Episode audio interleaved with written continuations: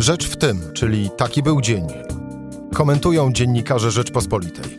Cezary Szymanek, zapraszam. Jest wtorek, 13 października, dzień, w którym drugi raz było ponad 5 tysięcy zakażeń koronawirusem. Dzień, w którym na kwarantannę udał się premier Mateusz Morawiecki. Dzień, w którym Jacek Sasin stwierdził, że część środowiska lekarskiego nie jest zaangażowana w walkę z epidemią. Dzień, w którym głos na temat epidemii zabrał prezydent Andrzej Duda. Tak, na Twitterze. I dzień, w którym Jarosław Kaczyński zapowiada weto budżetu Unii Europejskiej i Funduszu Odbudowy, jeśli o tym dziś w rozmowach z Karoliną Kowalską, Jackiem Nizinkiewiczem i Jędrzejem Bieleckim. Cezary Szymanek, zapraszam.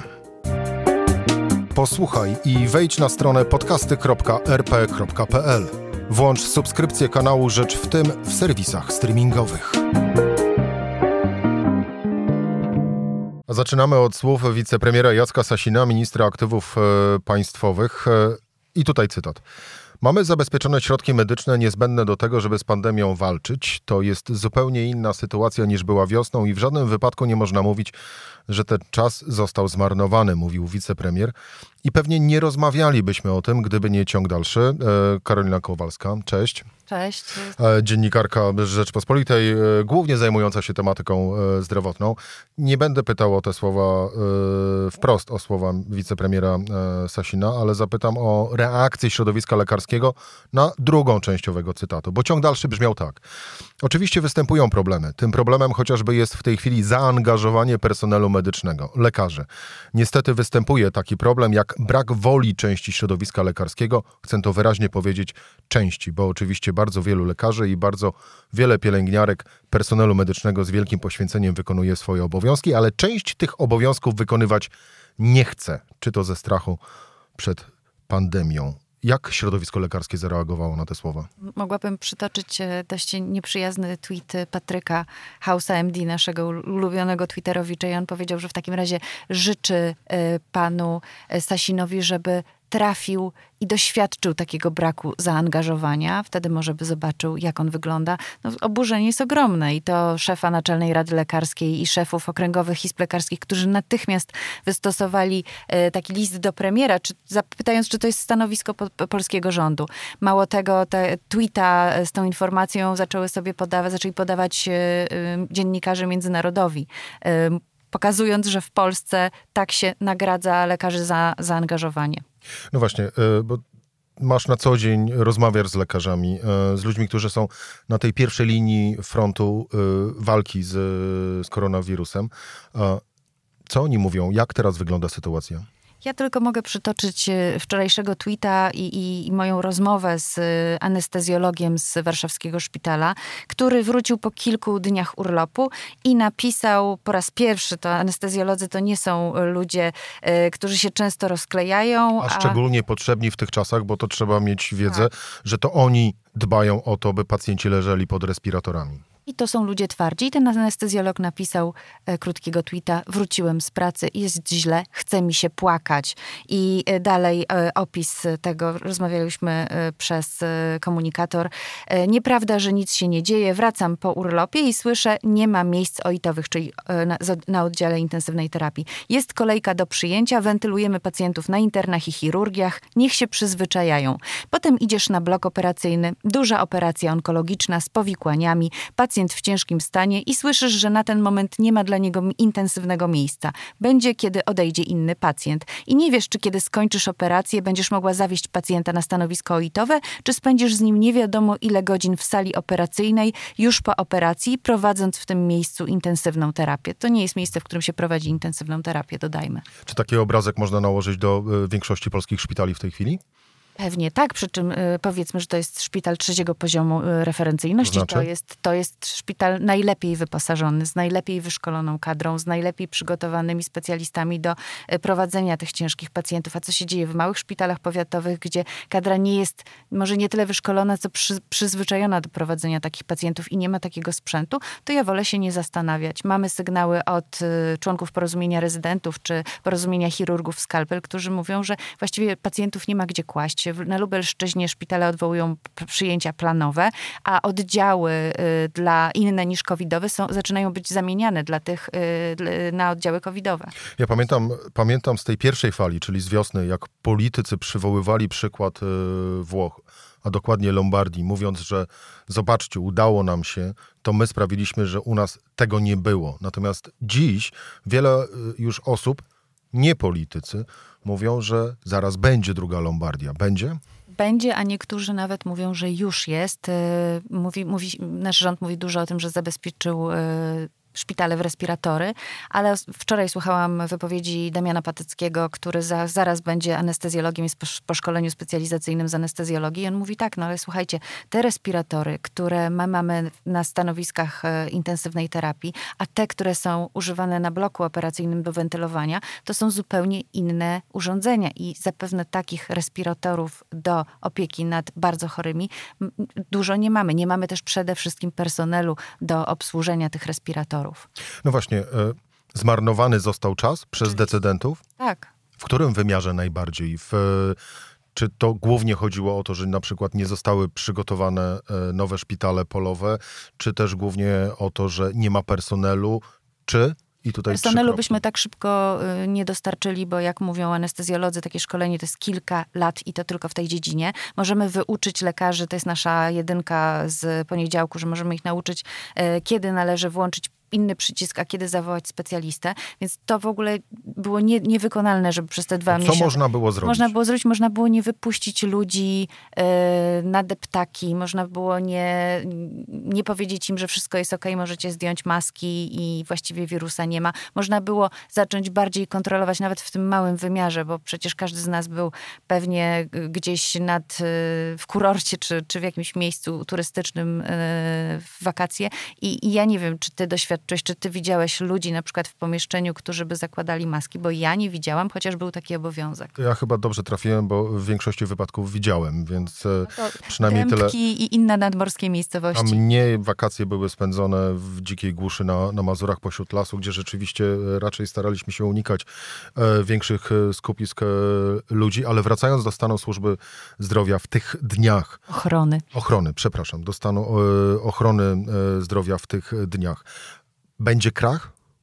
Ja y, słyszę, że już jest. Oczywiście nikt nam tego nie pokazuje, ale ten, ten cytat z anestezjologa, no. Ale na czym ten krach będzie, będzie polegał? Na tym, że znowu, y, że te kolejki karetek przed sorami będą nie na naście karetek, a na setek, setki karetek, czy też na tym, że na przykład dojdzie do, no właśnie, do takiej, e, brutalnie rzecz ujmując, selekcji pacjentów do leczenia? Setki karetek na podjeździe to już jest selekcja, bo niektórych ludzi nie da się w tej karetce uratować, po to ta karetka podjeżdża na SOR, żeby tam można było podać leki, czy, czy podłączyć do tych urządzeń, które pomagają. Więc to już jest e, selekcja. Kolejna selekcja, za mało rzeczywiście leków, za mało respiratorów i jeszcze następna, czyli wszyscy ci, którzy mieli trafić na operacje planowe, a teraz te operacje są odwoływane dlatego, że się robi miejsca covidowe, czy też ci, którzy nie pójdą do lekarza, ponieważ mimo wszystko wprowadzane są w jakiś sposób restrykcje i ludzie się znowu boją chodzić do lekarzy, czyli nie wykryjemy w odpowiednim czasie nowotworów, nie wykryjemy innych chorób, które zagrażają życiu. Czy środowisko lekarskie y, ma jakieś pomysły na którymi chociaż w takim szybkim, doraźnym tempie można by było wprowadzić, aby, no właśnie, aby im pomóc? Środowisko lekarskie w tej chwili, no, tak jak ja mówię, my, my już nie, nie rehabilitujemy pacjenta, tylko reanimujemy, więc oni wszyscy są w tej sali reanimacyjnej i starają się zrobić wszystko, żeby tych pacjentów, którzy dzisiaj mogą za chwilę umrzeć, uratować. Natomiast mówią o tym, że są bardzo rozczarowani brakiem strategii i chcieliby chociaż jakiekolwiek wskazówki uzyskać, bo Ministerstwo Zdrowia luzuje standardy anestezjologiczne, ale nie mówi im dokładnie, kiedy mogą podłączać więcej pacjentów do jednego respiratora. Oczekują bardzo dokładnych wskazówek, e, których nikt im teraz nie daje. Mało tego, oczekują, że e, rząd złagodzi wobec nich restrykcje związane z błędami medycznymi. Teraz za nieumyślne spowodowanie śmierci jest priorytet kary więzienia. Wcześniej tak nie było. Oni liczą, że w takiej sytuacji, kiedy są zmuszeni albo będą zmuszeni do tego, żeby wybierać kogo podłączyć do respiratora, a kogo nie, że przynajmniej e, rząd z, złagodzi ten wymiar kary i nie będzie ich karać, bo, bo rzeczywiście mogą wówczas nie chcieć się tym zajmować. A na to się chyba jednak nie zanosi. Karolina Kowalska, dziękuję bardzo. A już za chwilę rozmowa z Jackiem Nizinkiewiczem, z którym to z kolei na Twitterze rozmawiał dziś sam prezydent Andrzej Duda. Rzecz w tym, że to jest podcast Rzeczpospolitej. Dziś rano prezydent Andrzej Duda napisał tak. Pan manipuluje, sugerując, że sytuacja epidemiczna w czerwcu i lipcu była taka sama jak teraz. Moje ówczesne wypowiedzi w kampanii były adekwatne do tamtej sytuacji, a pan manipuluje, odnosząc je do obecnej. To nie jest dziennikarstwo, to podłość, tu o poważne sprawy chodzi. A prezydenta zdenerwował Jacek Nizinkiewicz, Dzień dobry, Jacku. Dzień dobry, dzień dobry Państwu. Dzień Dziennikarz dobry. polityczny. Witam pana prezydenta, jeżeli nas słucha Dziennikarz również. polityczny Rzeczpospolitej. Przywitaj jeszcze raz, bo ci przerywałem. Dzień dobry, witam również pana prezydenta Andrzeja Dudę, jeżeli nas słucha. No właśnie i od razu z miejsca, e, żeby była jasność, e, serdecznie pana prezydenta zapraszamy do prawdziwej rozmowy w formie e, wywiadu, czy to z Jackiem Nizinkiewiczem, czy to ze mną. Możemy na przykład również nagrać w każdej chwili podcast bez żadnego problemu. Jesteśmy absolutnie elastyczni, panie prezydencie, na, na jakąkolwiek formułę rozmowy, czy na żywo, czy do papieru, czy właśnie podcast. Absolutnie dostosujemy się do pana prezydenta, tylko proszę zgodzić się na bezpośrednią rozmowę. No właśnie, czym zdenerwowałeś Andrzeja Dudę, że aż wreszcie zabrał głos w sprawie e, epidemii?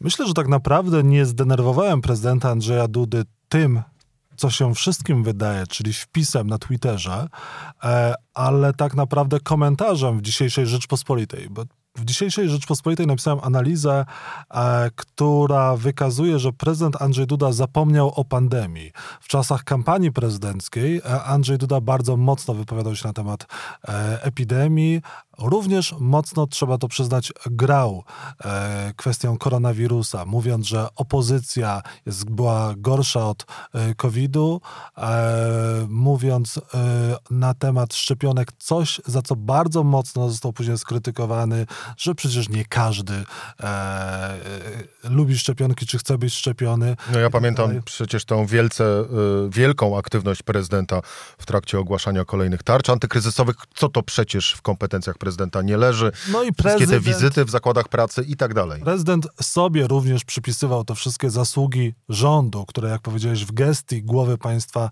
nie leżą. Również rządzący e, mówili, że no to dzięki Andrzejowi Dudzie jest ta tarcza antykryzysowa, a również pan prezydent wypowiadał się na temat noszenia maseczek, no, że nie lubi, co też było takim jasnym sygnałem do e, społeczeństwa, które wkrótce miało wziąć udział w wyborach.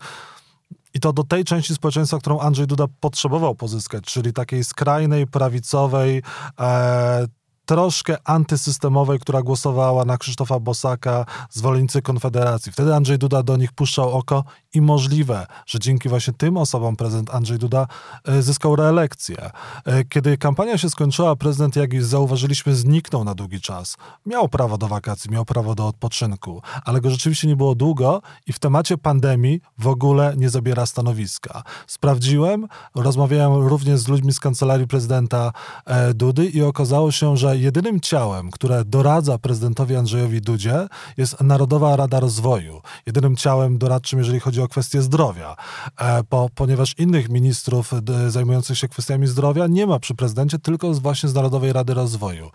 E, kadencja Narodowej Rady Rozwoju upłynęła dwa tygodnie temu. Jest tej... nowa? Nie ma nowej. Nie wiadomo, kiedy będzie nowa. Rozmawiałem z byłym członkiem tej e, rady, z ministrem, dwukrotnym byłym ministrem zdrowia, e, doktorem Markiem e, Balickim, e, który nie wie, kiedy ona zostanie powołana, nie wie, czy ponownie w niej będzie i prezydent Andrzej Duda w ogóle nie zabiera głosu w kwestii, która jest chyba najbardziej paląca obecnie, nie tylko może, w Polsce, ale na świecie. W związku a z może dlatego, Jacku, że nie będzie trzeciej kadencji, więc tak naprawdę nie będzie z tego już na koniec rozliczany. Nie będzie rozliczany, ale oprócz rozliczania i czystej polityki jest kwestia odpowiedzialności za losy państwa, za, za to, co może zrobić jako prezydent. A obiecywał, mnie do pytania. Obiecywał, że będzie e, to inna kadencja niż była wcześniej, no że będzie odpowiadał tylko przed Bogiem i historią. I chyba każdy spodziewałby się po głowie państwa, odpowiedzialności i reakcji na kwestie, które e, są najbardziej palące dla Polaków, czyli kwestia pandemii i kwestia kryzysu gospodarczego, który e, wali do naszych bram. To prowo- sprowokowałeś mnie do pytania, czy prezydent w tej chwili zachowuje się odpowiedzialnie? No ja mam wrażenie, że dzisiaj prezydentowi Andrzejowi Dudzie puściły nerwy, bo jeżeli chodzi o moją e, wymianę zdań na Twitterze z prezydentem Andrzejem Dudą, to zaczęło się od tego, że minister Michał Wójcik e, powiedział w, e, dzisiaj w mediach rano, że jednak nie do końca rząd radzi sobie, panuje nad pandemią. Ale też powiedział, że my wiedzieliśmy, że tak będzie. No, powiedział też, że my wiedzieliśmy, że tak będzie. No, były różne komunikaty uspokajające ze strony przedstawicieli władzy, co można sobie łatwo sprawdzić, ale też e, były też komunikaty również ze strony prezydenta Andrzeja Dudy przez te ostatnie tygodnie, że my panujemy nad pandemią, w pełni panujemy nad pandemią, a okazuje się, że nagle wychodzi przedstawiciel władzy i mówi, nie panujemy nad pandemią.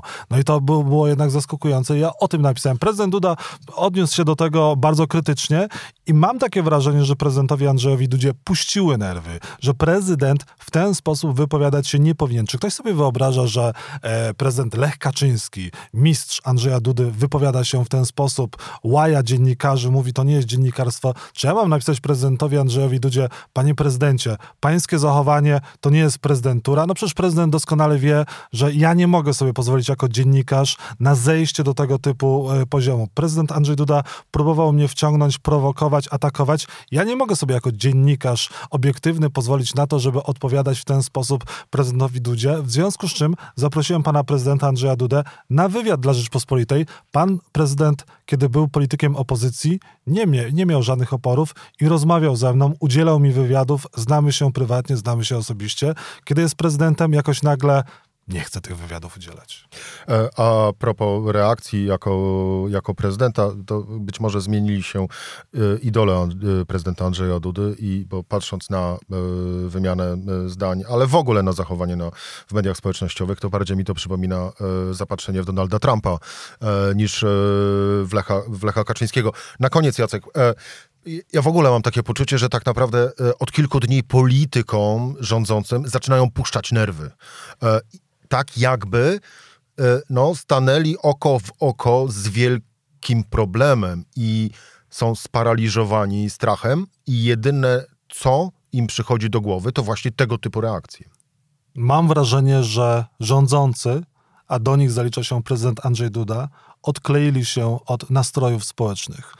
Atakują dziennikarzy, atakują lekarzy, Lekarzy. co robi minister Jacek Sasin, atakują również rolników i atakują wszystkich tych, którzy... Nauczycieli nie- również, nie- bo nie- pamiętamy słowa, że przecież ludzie na ulicach też giną, prawda? I atakują wszystkich tych, którzy nie zgadzają się lub też punktują politykę władzy. Oczywiście tak można. Donald Trump na tym wygrywał przez długi czas, ale mam wrażenie, że do tego typu polityki ludzie w Polsce nie są przyzwyczajeni i tego typu słabe nerwy e, prędzej czy później na niekorzyść Andrzeja Dudy e, zapiszą się. Prezydent Andrzej Duda dzisiaj robi wszystko, żeby zapisać się jakoś na kartach historii. Jak? Mam wrażenie, że tego typu e, zachowania, brak reakcji, chowanie w głowy w piasek e, w trakcie kryzysu, pandemii nie służą Andrzejowi Dudzie, przede wszystkim nie służą Polakom. Jacek Nizikiewicz, dziennikarz działu politycznego Rzeczpospolitej, dziękuję Ci bardzo. Dziękuję bardzo. A już za chwilę Jędrzej Bielecki i z kolei będziemy rozmawiać o słowach Jarosława Kaczyńskiego, które mogą być w bardzo prosty sposób przeliczone na miliony euro. Rzecz w tym, że to jest podcast Rzeczpospolitej. Jarosław Kaczyński zapowiada weto, sprzeciwić się ma rząd nowemu budżetowi Unii Europejskiej i funduszowi pomocowemu na walkę ze skutkami pandemii.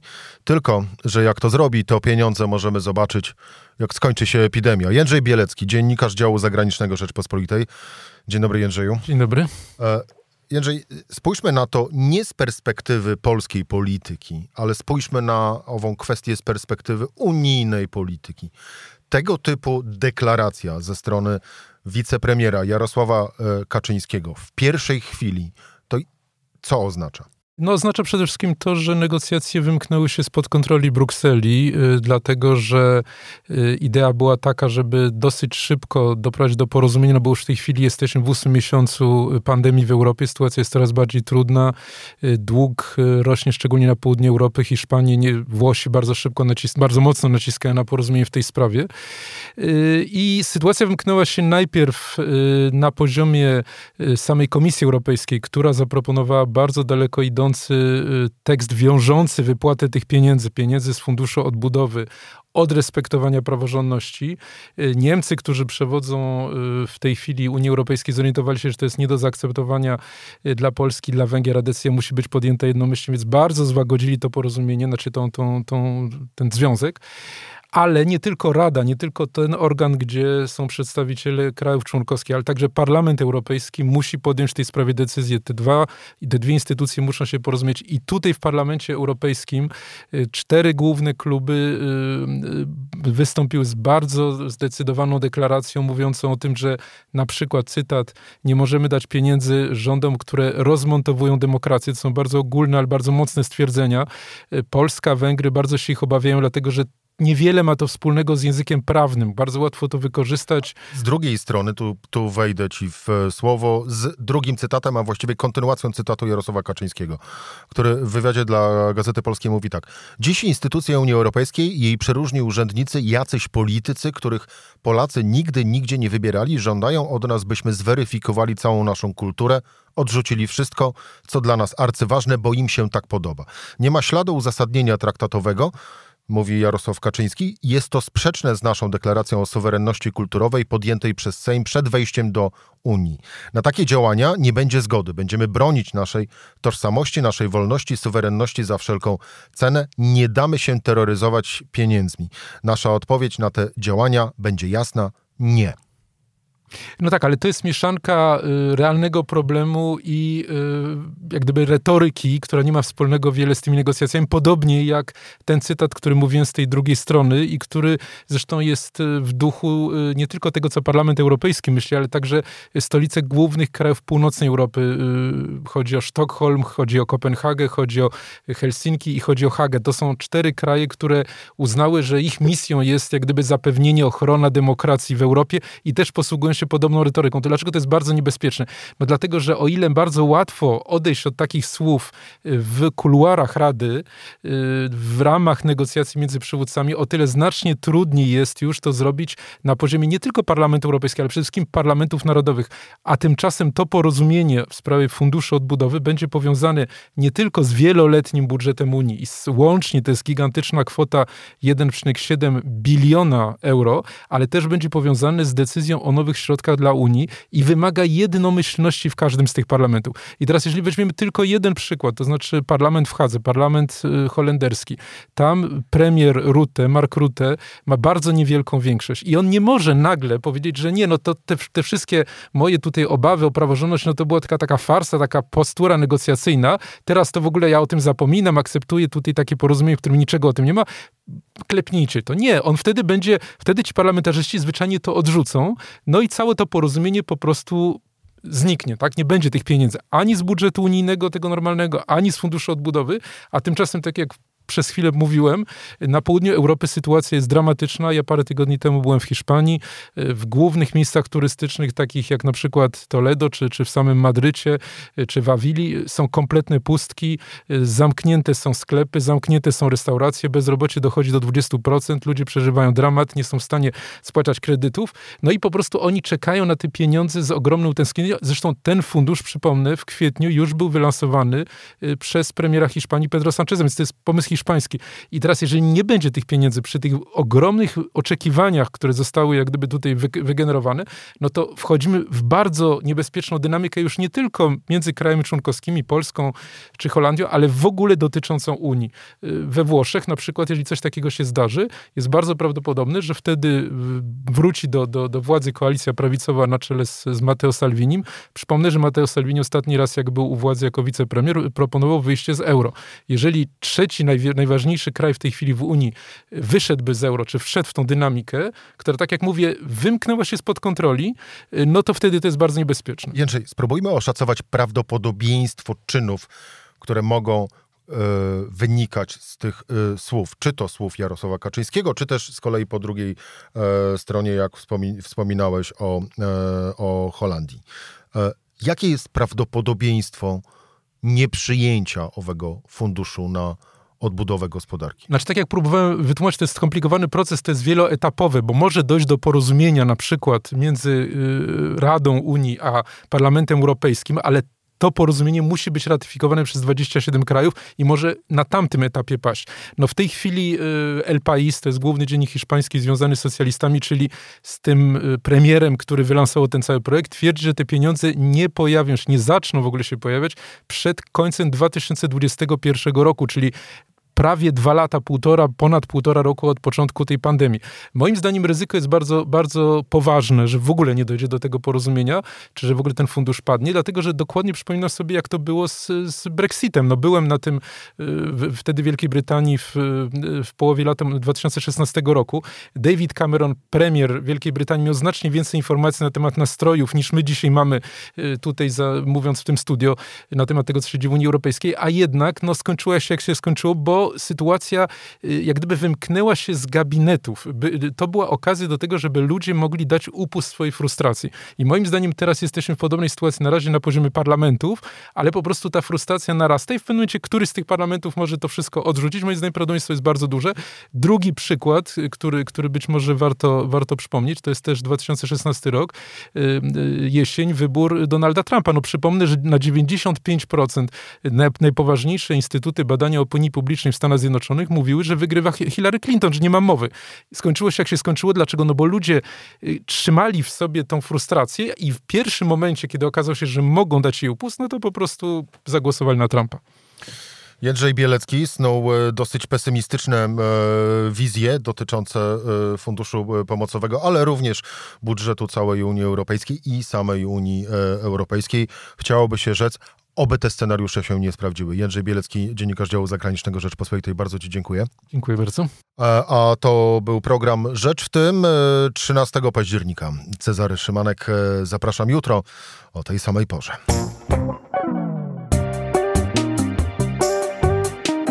Rzecz w tym to codzienny program Rzeczpospolitej. Od poniedziałku do czwartku o godzinie 17. Wejdź na stronę podcasty.rp.pl, włącz subskrypcję kanału Rzecz w tym w serwisach streamingowych. Cezary Szymanek, zapraszam.